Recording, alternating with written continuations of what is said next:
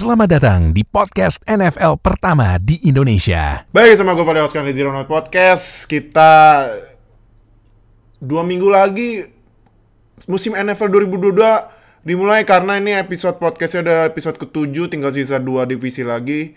Nah, jadi bentar lagi NFL dimulai loh. Nah, bentar lagi ini lu 17 minggu plus sampai Februari nih jantung nih. Nah, jantung udah dites ya. Jadi gue saranin lo semua yang pertama olahraga yang banyak deh ya. Olahraga yang banyak. Betul, Beneran. betul. Olahraga Betul. yang- yang banyak karena musim kemarin aja yang udah nonton ya kan udah ngerasain kan jantung dites mulu kan. Nah, dari regular season sampai Super Bowl. Nah, ini musim ini juga nggak nggak kalah eh, nggak nggak kalah tegang juga ini. Bikin tegang jantung, bikin jantung cepet eh denyutnya. Jadi yang pertama banyakin olahraga.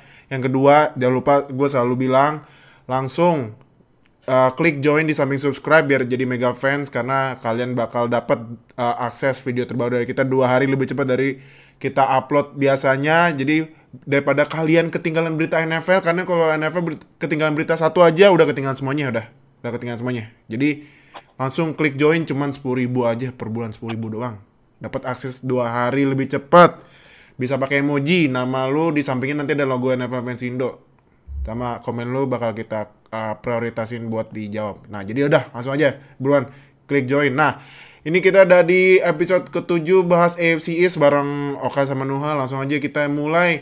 Uh, tim yang ini yang kemarin juara di AFC East ya, dua kali beruntun Bills. Nah, ini nih dua ah gila nih dua ya, berdua nih. Stephon Diggs sama Josh Allen. Tapi eh, sebenarnya kan kayaknya musim kemarin Josh Allen rada nurun ya dibanding 2020 kan. 2020 kan gila banget. Tapi Diggs ya musim kemarin nurun tapi nggak nurun banyak gitu lah. Karena juga kemarin kan ada WR2-nya yang tiba-tiba bagus ya, yang di playoff itu yang si Gabriel Davis ya. Kayaknya si Gabriel Davis musim ini bakalan eh, sering lagi dimainin ya. Nah, tapi menurut lu nih Kak, Yes. Eh, eh Nuhadin, Nuhadin, Nuhadin aja, Nuh- Nuhadin. No, menurut lu no, musim ini Josh Allen sama Stephon Diggs bakalan tetap bagus apa turunnya eh, turunnya drastis buat musim 2022? Tahun lalu itu Bills itu adalah number one offense. Ya, betul. Dan menurut gue faktor terbesar kenapa Bills bisa mendapatkan predikat number one offense itu ya tidak lain dan tidak bukan duo partner ini antara wide receiver Josh Allen dan Trevon eh sorry Stephon Diggs. Gue Diggs. Trevon mulu nih. Stephon Diggs dan menurut gue dat- dengan datangnya Diggs ke Bills itu instant impact ya, bener-bener impactnya tuh langsung terasa. Bahkan ketika waktu itu di AFC Conference Final gitu, ya walaupun akhirnya kalah sih, cuman itu langsung kerasa kalau Bills tuh naik level, kelasnya tuh langsung naik level dengan datengin Stephon Diggs. Menurut gue karena tahun depan ini saingannya khususnya di AFC tuh mungkin yang pat- patut diperhatiin mungkin Miami Dolphins ya. Nanti bakal kita omongin Miami Dolphins. Cuman kalau lihat dari yang lain gitu kayak Patriots dan juga Jets, gua rasa sih belum ada yang bisa mengimbangi Bills di atas kertas ya Ah, dengan offense yang mereka punya. Karena menurut gue offense itu termasuk lengkap dan saling mengisi satu sama lain. Nggak cuma Stephon Diggs aja tadi udah disebutin ada Gabriel Davis. Belum kalau dari sisi running play ada Devin ada Devin Singletary. Terus juga kemarin baru drafting running back baru juga yaitu adiknya si Dalvin Cook. Dalvin Cook ya? Oh, James Cook ya? James Cook. James Cook. Dan itu di college dia mainnya oke mirip lah sama kayak kakaknya sama kayak kakaknya Dalvin Cook di Vikings.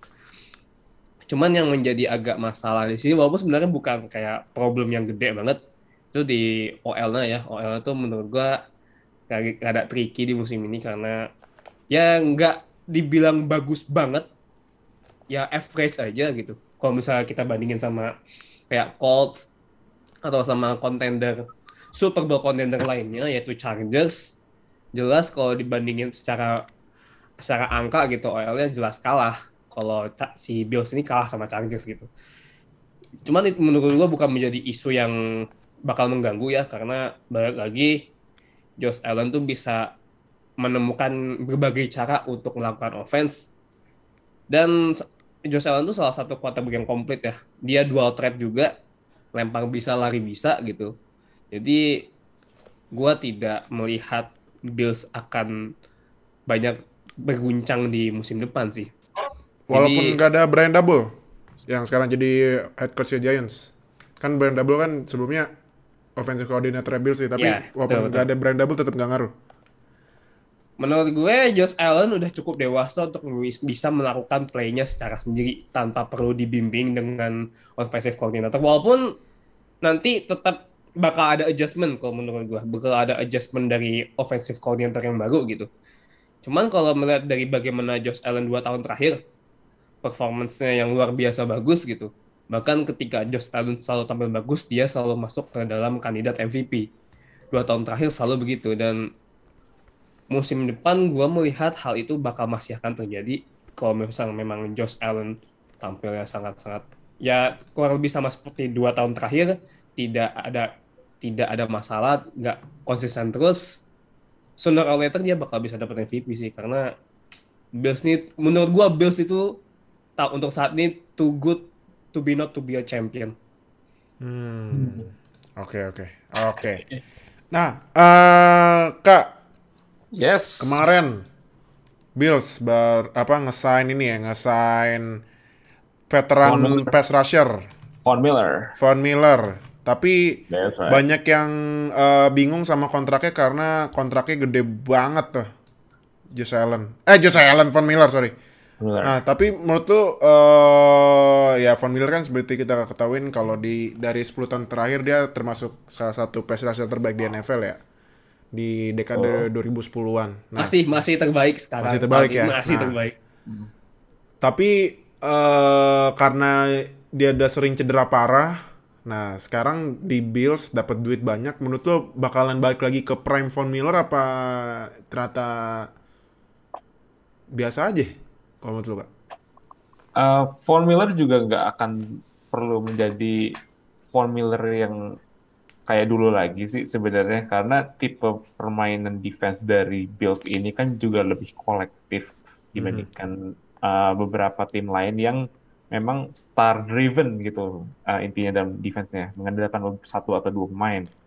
Sedangkan kalau Bills ini dia punya beberapa very good players dan itu cukup buat mereka terbukti musim lalu mereka number one pass defense. Jadi mereka punya uh, tambahan veteran di Von Miller, tapi mereka sempat kehilangan Jerry Hughes, ya salah satu leader mereka di defense. Jadi ya sebenarnya kayak mau offset satu sama lain dalam uh, situasi sekarang ini, karena dua-duanya juga veteran yang udah lebih dari 10 tahun main di NFL. Jadi Von Miller itu secara nama pasti dianggapnya sebagai upgrade, tapi menurut gue itu ya lebih kayak uh, mengganti pemain dengan kualitas yang sama gitu antara Jerry Hughes dan juga Von Miller saat ini. Untuk kontrak gue juga sempat noted lu tadi ngomong tentang kontraknya Von Miller yang uh, secara total dia emang kelihatan gede banget, uh, 120 juta dalam dua tahun. Tapi secara struktur itu basically Von Miller cuma dapat uh, dua ti- uh, dua tiga tahun doang Oh, guaranteed-nya ya? guaranteed.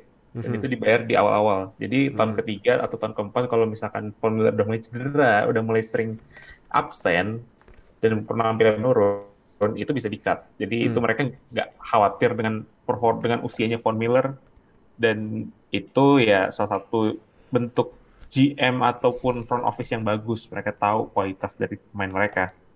Sama juga gue mau noted ada satu uh, pemain yang baru aja di draft kemarin oleh Bills yaitu Kair Elam dari Mhm. Florida.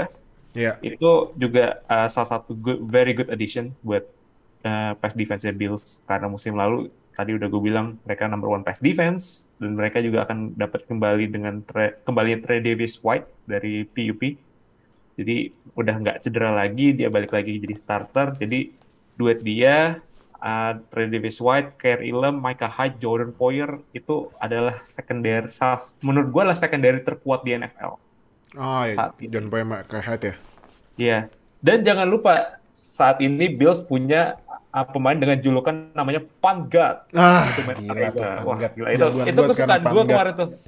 Wah, God, man. 80 yards 82 dengan ya tuh, easy si gitu. ini ya. Tadi baru dapat beritanya Pak- sorry. Pangat menang Battle Panther ya. Jadi starter Panther kemarin dirilis karena Pangat yang jadi starternya tuh. Sorry. Yo. Jadi wah gila sih kalau misalnya nanti kalau lihat Pangat nih Pangat ngepannya sampai 70 plus yard, gak usah kaget namanya juga Pangat. Ya, kami tidak kaget karena Iya, kita Pangat. tahu. Ya, Emang kita itu dia tahu. Pangat. Thank God. Nah, oke next Eh, kita ke New England. Nah ini nih eh Mac Jones. Mac Jones menurut lu eh no, menurut lu Mac Jones apakah bisa berhentiin Bills buat eh, bisa juara lagi ke masa jayanya pas zaman-zaman Brady? Hah, kalau dibilang bakal nurunin atau enggak, jujur gue agak-agak yakin karena satu, Josh McDaniel udah nggak ada. Oh iya, ke Jadi Raiders udah ya. cabut ke Raiders sebagai head coach Raiders. Dan isunya tuh sebenarnya bukan di Mac Jones-nya ataupun dari ya receiver-receiver yang sebenarnya kalau dibilang receiver jelek tuh enggak ya. Nama-nama menurut nama-nama yang solid gitu kayak Ken Blackburn, terus ada Hunter Henry, terus juga ada siapa lagi tuh? Jonas Smith. Ya, Jono Smith sebagai tight end juga. Ada Aguilar. Nelson Aguilar dan lain-lain. Itu menurut gua cukup lah. Bahkan tahun lalu aja bisa lolos ke playoff kok walaupun ya ujung-ujungnya dibantai juga sih di Iya. wildcard gitu kan. Cuman the, the bigger the bigger issue itu sebenarnya di siapa yang bakal ngadain Josh McDaniel sebenarnya. Karena kan yang bakal nge-call play-nya kan ya tetap aja offensive offensive koordinatornya dan rumor-rumornya sih katanya Matt Patricia cuman kalau memang bener jadi Matt Patricia ya Mhm. udah. Gua nggak nggak kalau memang beneran Matt Patricia ya gua tidak akan melihat Patriots. Sorry ya bakal lolos ke playoff sih. Oh Karena- iya bisa. Kalau nggak salah gue sempat nonton uh, preseasonnya Patriots juga. Matt Patricia sempat play call hasilnya rada-rada gitu kan rada-rada ya karena memang sebenarnya Matt Patricia tuh dia backgroundnya itu defense bukan defense offense. iya makanya gue kaget tiba-tiba ke offense ya Jadi kalau misalnya lu menaruh seseorang bukan di dalam hal yang sesuai di bidangnya gitu, Iya. itu menurut gue bakal berantakan. Dan sama Oh. kasusnya kalau misalnya lu menaruh Matt Patricia yang sebenarnya otak atau otak dari background itu defense, tapi lu suruh dia main jadi offense, ya masa apa receivernya selalu lari drop back sih kan lucu ya. Cuman ya gue tidak melihat itu ini ya kayak itu bakal menjadi big trouble kalau nanti Matt Patricia yang yang jadi offensive coordinator. Karena nggak punya nggak pernah punya pengalaman sebagai Mhm. offensive coordinator. Sebagai head coach pun juga jelek di Lions gitu. Iya. Kasihan Staffordnya sampai harus berapa kali cedera gitu. Jadi gua kalau memang misalnya Matt Patricia jadi sih ucapkan as ucapkan salam terhadap playoff sih. Cuman kalau memang bukan Matt Patricia gue Patriots masih punya harapan kalau misal at least menyentuh wildcard doang. Karena secara squad mereka tidak terlalu banyak masalah ya. Ada Mhm. improvement ada gitu. Untuk OL nggak masalah. Tapi yang menurut gue drafting Cole Strange itu masih aneh aja sih menurut gue sampai saat ini ya. Itu the biggest reach as far as I know di NFL draft jauh banget naiknya gila. Itu dia kalau gue ngomong dikit ya itu Cole Strange itu bukan first round talent. Sangat sangat bu- jelas bukan first round talent. Bahkan di tahun lalu kalau nggak salah gue sempat pernah bilang di draftnya Raiders yang juga sekarang biasa aja gitu. Alex Leatherwood. Alex Leatherwood ya. di, di nomor puluhan kalau nggak salah. Itu kan one of the biggest reach reach versi gue dan sekarang ada lagi mu- muncul yang lebih gila lagi yaitu Cole Strange. Cole gue Strange. nggak tahu apa yang ada di otaknya Belichick sejak Brady pergi kay- kayaknya emang udah makin gak jelas aja sih si otaknya menurut gue dan gimana ya gue tidak punya keyakinan yang tinggi untuk Patriots kalau misalnya Belichick masih ada di sebagai head coach untuk sekarang. Karena gue tidak melihat Belichick mampu untuk saat ini bisa leading di tim di tim lagi to the promised land gitu karena Brady udah gak ada, sesimpel itu.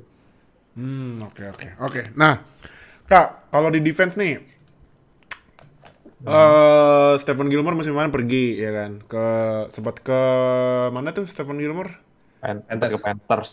ke Panthers terus sekarang di Colts ya kan terus di offseason kemarin JC Jackson yang bisa dibilang top 5 cornerback di NFL pergi ke Chargers ya kan Benar. Nah, menurut lu ini defense Patriots yang pas musim 2020 sempat jadi defense yang ngeri banget ya. 2019 juga nggak salah ya. 2019 ya. Benar. Ya, musim ini kalau eh, defense Patriots menurut lu yang harus di-upgrade apa nih? Kalau DL kan udah ada ini ya. Kemarin kan baru dapat rookie kan yang mainnya bagus kan si Christian Barmore ya kan. Iya. Nah, Memang. tapi menurut lu kalau menurut lu yang mesti di-upgrade apa nih dari defense Patriots buat musim ini?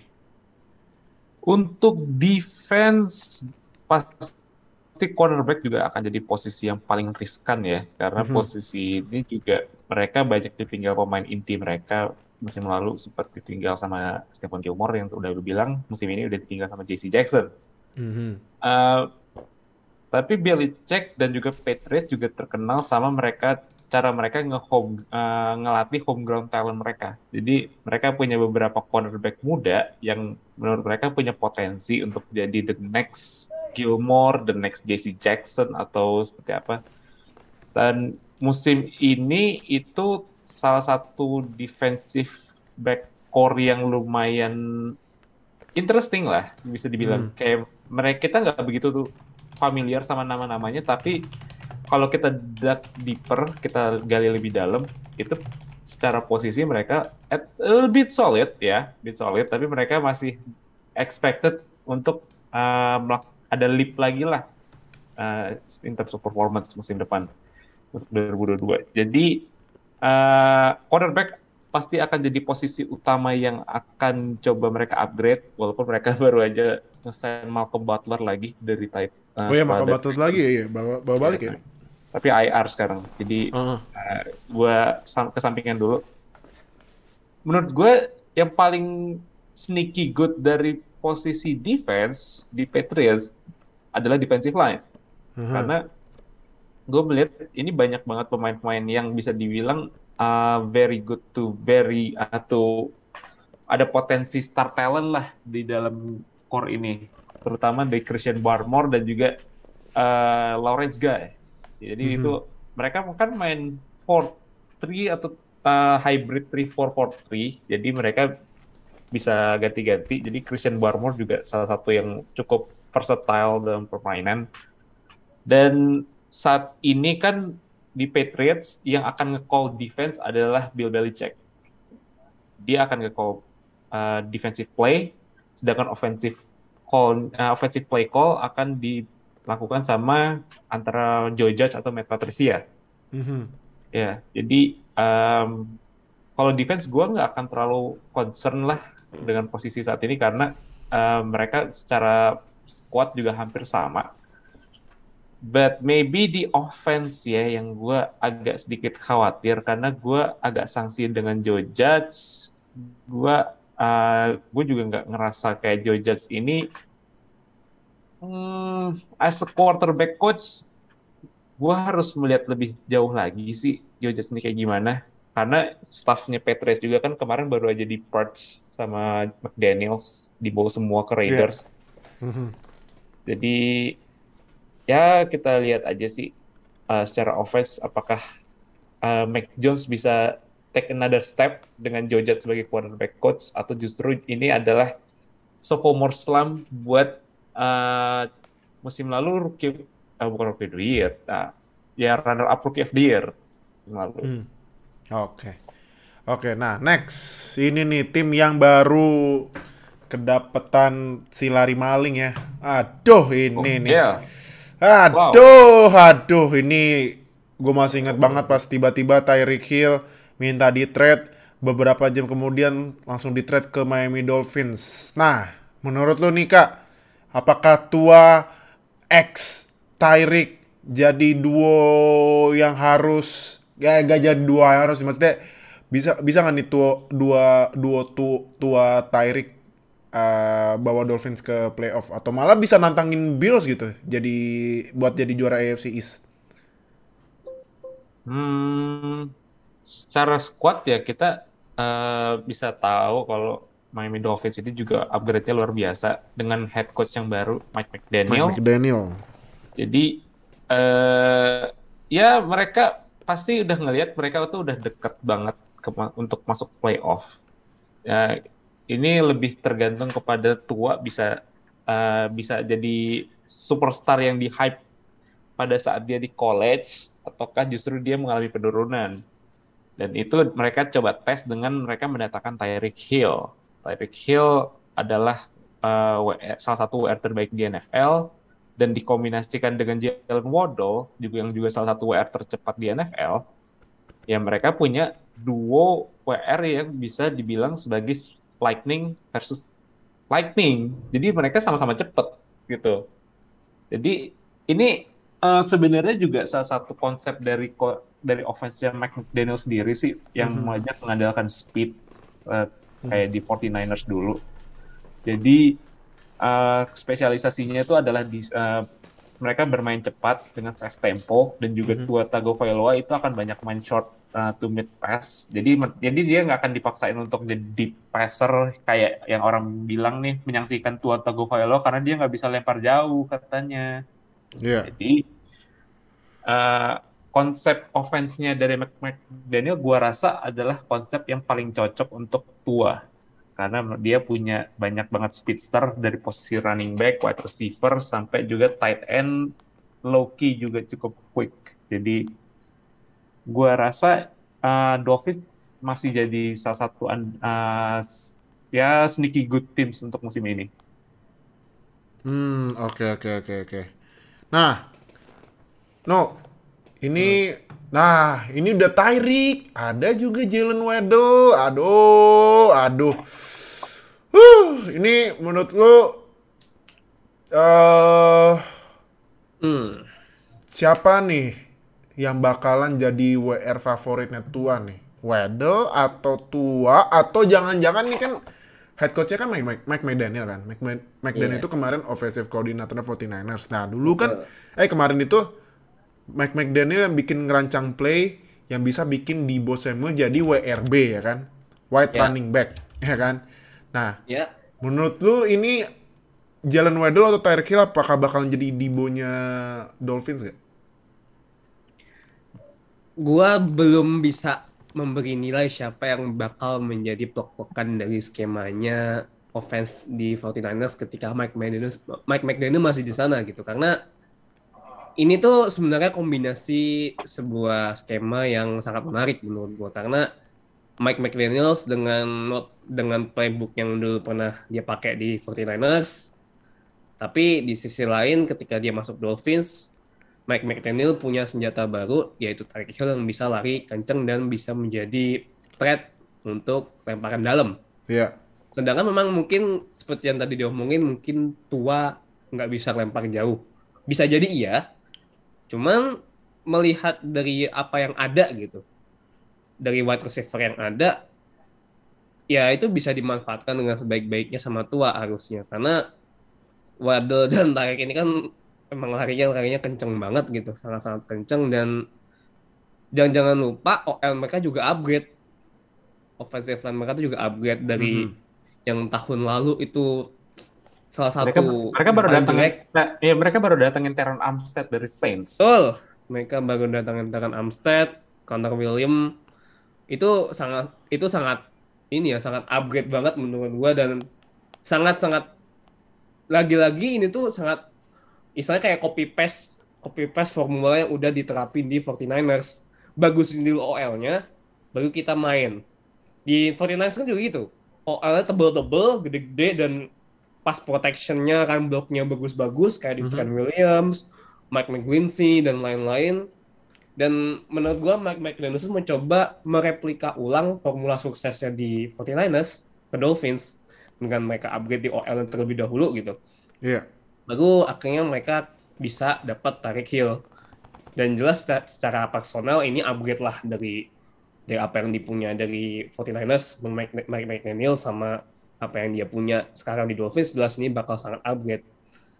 Tentunya bakal menarik sih bagaimana Dolphins ini nih dua receiver itu bakal ngacak-ngacak defensive lawan ya. Defensive lawan tuh kayaknya bakal sering kena sering kena ini ankle break atau apa segala macam. Ini pokoknya gue sangat excited banget ngelihat Dolphins musim ini. Sumpah gue pengen banget nonton at least tiga atau empat kali game mereka yang lawan ya at least entah itu lawan divisinya lawan antar divisi ataupun nanti mereka ketemu siapa yang kira-kira big game Mhm. gue sangat menanti sih karena this team is really fun to watch next season guaranteed to all of you Oke, oke.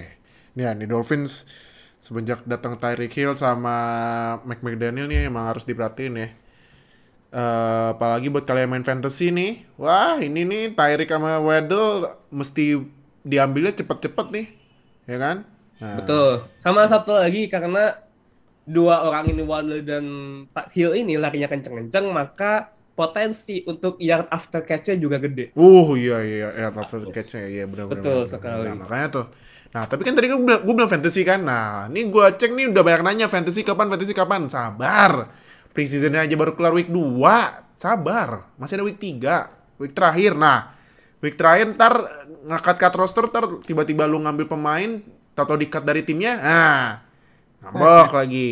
Nah, makanya tunggu aja. Sabar, sabar, sabar. Nah, nah terakhir ini tim yang yang gue cuma jawabnya nah ini nih Kak, ini Zach Wilson kemarin kan, eh, kan sempat cedera ya, cuman katanya nggak cedera, eh, cederanya lumayan parah tapi ya kalau nggak salah out bulan September ya, Oktober Oktober main lagi. Nah, Iya. ini Jets offense-nya menurut lu dengan dapat nah nanti kan gue mau bahas nanti rookie buat Noah ya. Ya kan kemarin kan dapat Garrett Wilson ya dari Ohio State ya kan. Terus oh, weapon yang kemarin ada Corey Davis, ada Elijah Moore. Sama ngedraft ini juga ya eh, siapa? Sauce Hall. Gardner. Hall. Nah, nah dari Ahmad tar, Gardner. pas uh, defense, uh, pas rookie defense. Nah, menurut lu ini Zach Wilson bisa nggak nantangin gitu dikit uh, yang tetangga AFC East atau ya sama aja same old Jets kalau menurut lu dengan weaponnya menurut gua nih udah disediain buat Zach Wilson nih. Hmm. Hmm, di atas kertas jelas ada upgrade di posisi offensive uh, weaponnya dari Jets. Mhm. dan Zach Wilson uh, yeah he's got that dog in him. Jadi uh, Zach Wilson gue rasa ini gue juga harus ngelihat lagi apakah dia bisa benar-benar take the next step. Karena di preseason kemarin dia juga nggak main banyak. Yang main banyak kan kebanyakan di Mike White kan. Jadi Zach Wilson lebih banyak uh, main di first quarter aja. Uh, kalau dibedah sedikit dalam uh, beberapa posisi di offense, terutama di running back, ini adalah posisi yang cukup menarik buat Jets karena mereka selain punya uh, udah ngedraft Brees Hall, mereka udah punya Michael Carter, mereka juga punya Tyron Coleman, mereka punya Ty Johnson. Jadi mereka secara running back mereka at least udah settle lah siapa yang bakal uh, mereka pakai untuk posisi depan. Lalu wide receiver, uh, gue rasa Garrett Wilson emang sesua- seseorang yang mereka butuhin untuk posisi wide receiver. Mereka butuh banget satu lagi playmaker di posisi wide receiver untuk ngebantu Zach Wilson. Jadi mereka pasti akan mengandalkan Elijah Moore, Garrett Wilson, dan juga Corey Davis. Dan juga jangan lupa ada Braxton Berrios sebagai slot, uh, slot receiver. Tight end mereka juga baru aja ngesign CJ Uzomah dari Bengals. Mereka juga ngedraft uh, Jeremy Rucker yang fun fact bapaknya itu adalah fans berat dari Jets. Dari Jeremy Rucker. Offensive line offensive line Nah, offensive line kemarin nih, bad news lagi, Makai Becton cedera lagi. Aduh. oh, Gimana tuh? Main full cuman pas rookie season. Di situ musim kemarin cedera. Tad, eh, musim kemarin cedera, kemarin pas pas training camp cedera lagi, out for season kemungkinan besar. Iya, gue agak menyayangkan aja sih karena Micah Becton waktu dia healthy itu one of the best yang tackle in the league. Jadi uh, mereka kehilangan banget lah dengan Michael Beckton uh, cedera. Jadi mereka mereka uh, sebenarnya juga udah ngesign Dwayne Brown juga. Jadi mereka Aha. punya veteran tackle di offensive line. Tapi I don't think it will be enough untuk uh, ningkatin performa offensive line mereka dibandingkan musim lalu. Jadi ha- Robert Saleh harus bisa pinter-pinter putar otak buat Mhm. nge- ngakalin si offensive line ini yang banyak banyak banget cedera nih. Mhm. Jadi gue rasa eh akan uh, not really taking a big step, nggak akan terlalu uh, ada banyak perkembangan sih ya. Eh, ini akan ini masih tim muda, ini masih tim yang masih cari fo- kayak formula terbaik mereka. Jadi mereka masih eh, mungkin masih mungkin akan jadi tim paling tim juru kunci di posisi AFC East. Oke, oke. Masih masih juru kunci A- AFC East nih. secara di atas kertas mereka masih paling bawah karena Patriots still very solid, Dolphins juga upgrade-nya gila-gilaan kemarin dan Bills masih dengan core mereka yang masih ma- masih dengan core yang mereka pakai ketika mereka masuk ke AFC Championship. Jadi masih akan susah buat Jets untuk menembus uh, playoff dengan pesaing mereka pesaing mereka yaitu Patriots, Jets, eh Patriots, Bills dan juga Dolphins. Hmm, oke oke oke oke. Oke. Oke, nah, eh no. Walaupun Jets ya eh, sudah apa selalu jadi bahan ejekan, tapi kemarin draftnya menurut gue lumayan bagus ya. Selain Brees Hall nih, first roundnya tuh Jermaine Johnson, Yap. Sauce Gardner, Garrett Wilson, ini yang tiga draft picknya Jets pas di first round kemarin ya. Menurut lu ini bertiga bakalan kasih impact yang signifikan nggak buat Jets? Kalau dibilang menurut gua sih tiga-tiganya Garrett Wilson, Ahmad Gardner dan Jermaine Jones menurut gua bakal langsung dipakai sebagai starter since day one karena ya mereka top talent lah bisa dibilang gitu. Apalagi kan Sauce Gardner ya nomor 4 gitu diambil nomor 4 ya itu bakal langsung menjadi their number one cornerback mereka gitu. Gardner kan tinggi juga, size gede, atletis juga gitu. Apalagi untuk posisi cornerback mereka tuh juga lacking lacking di sana menurut gue. Jadi dengan adanya Gard- Gardner hopefully itu bakal menambah kekuatan mereka di defense walaupun sebenarnya ya tidak akan terlalu signifikan sih dengan Mhm. kedatangan Gardner di sana gitu. Mhm, Karena bol sebenarnya bolongnya tuh tidak hanya di cornerback aja gitu. mhm. Apalagi itu dan untuk Garrett Wilson ini sebenarnya pairing yang menarik ya karena bakal jadi Wilson to Wilson gitu kan. Iya, Itu- Wilson to Wilson ya. Iya, itu bener-bener. secara secara nama itu pairing yang oke loh Wilson to Wilson. Yo, Dan Wilson sama main di Ohio State juga bagus banget gitu. Sangat-sangat ya he deserve to be drafted really high gitu lah dengan setinggi itu. Menurut gue pantas aja Wilson ada di situ. Cuman the issue is balik lagi mereka ke Zach Wilson-nya sebenarnya menurut gue. Siapa yang bertugas untuk mendistribusi bola kalau memang jelek ya sebagus apa pun receiver-nya, sebagus apa pun talentanya, receiver tidak akan berkembang jauh kalau misalnya yang lempar juga masih bermasalah gitu. Sebenarnya menurut gue Zach Wilson tahun lalu ya itu one of the worst performance as a rookie. Ya, Hmm, Trevor oke. nomor satu lah menurut gue ya nomor duanya Iya. itu Zach Wilson gitu. Hmm. Trevor jelek banget di rookie season ya. Wilson nomor duanya lah ibaratnya gitu. Dan ya gimana ya tahun lalu pun juga Jets pun tidak tidak terlalu signifikan secara performance gitu. Tadi juga udah sempat dibilang Mika Becton cedera OL bakal ganggu lagi walaupun Elijah Vera Tucker sebenarnya lumayan oke. Cuman kan isunya lagi yaitu di tackle Iya. Tahun lalu masalahnya di tackle karena Mika Becton cedera gitu di pertengahan musim.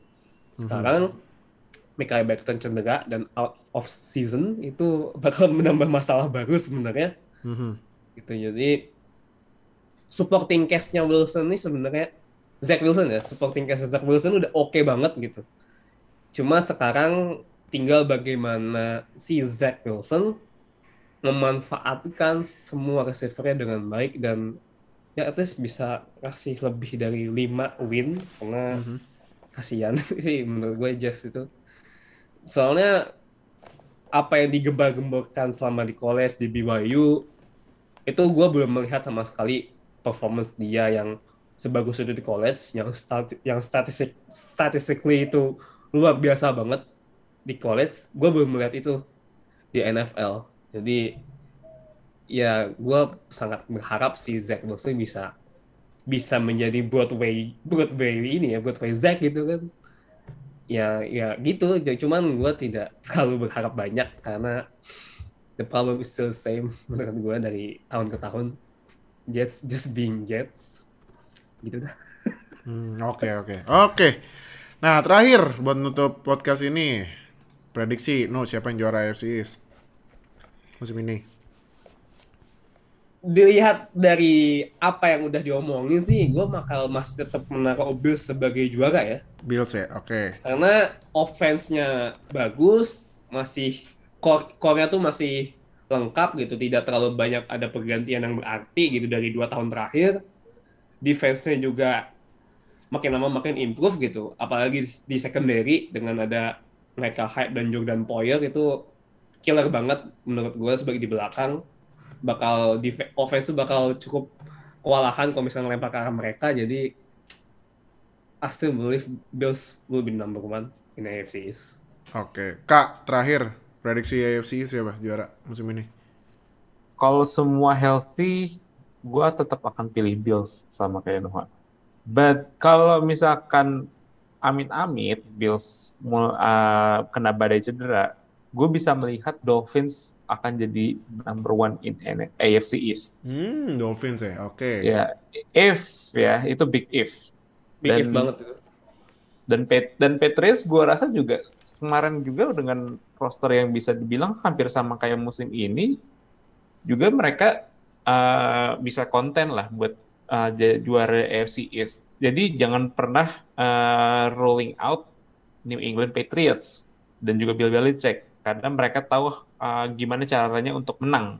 They know Mhm. how to win. Dan Mac Jones adalah quarterback yang paling pas buat mereka. Jadi ini akan jadi three-way battle antara Bills, Patriots, dan juga Dolphins. Ya saya uh, mohon maaf untuk Jets, ya just end the season saat ini seperti singkatannya ya.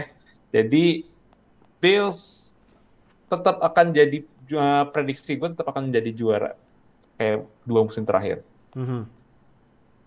Oke, oke. Nah, berarti masih prediksinya Bills. Tapi kalau misalnya kalau kata Oka, kalau misalnya Bills kenapa kayaknya Dolphins yang bisa nyuri ya. Oke, jadi itu podcast kali ini. Thank you udah nonton di YouTube, thank you udah dengerin di Spotify. Jangan lupa seperti biasa yang nonton di YouTube subscribe, ikut sampai subscribe biar nggak ketinggalan sama Never di Indonesia. Like, comment, share video ini. Semua sosial media kita udah kita tulis di deskripsi video ini. Langsung aja join. Gak usah malu-malu, ngapain malu-malu karena zaman sekarang malu-maluin. nah, apalagi nih Never mau mulai daripada lu nonton sendirian. Aduh, orang yang nonton Never Indonesia banyak. Jadi udah langsung aja join ke Telegram kita ya. Oke.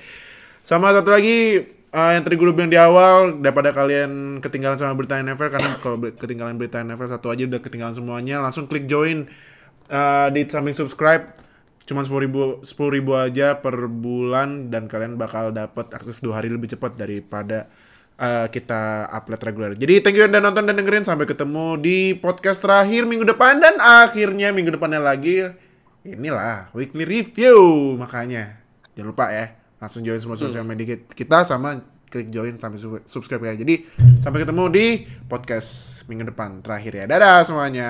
Dadah. Bye.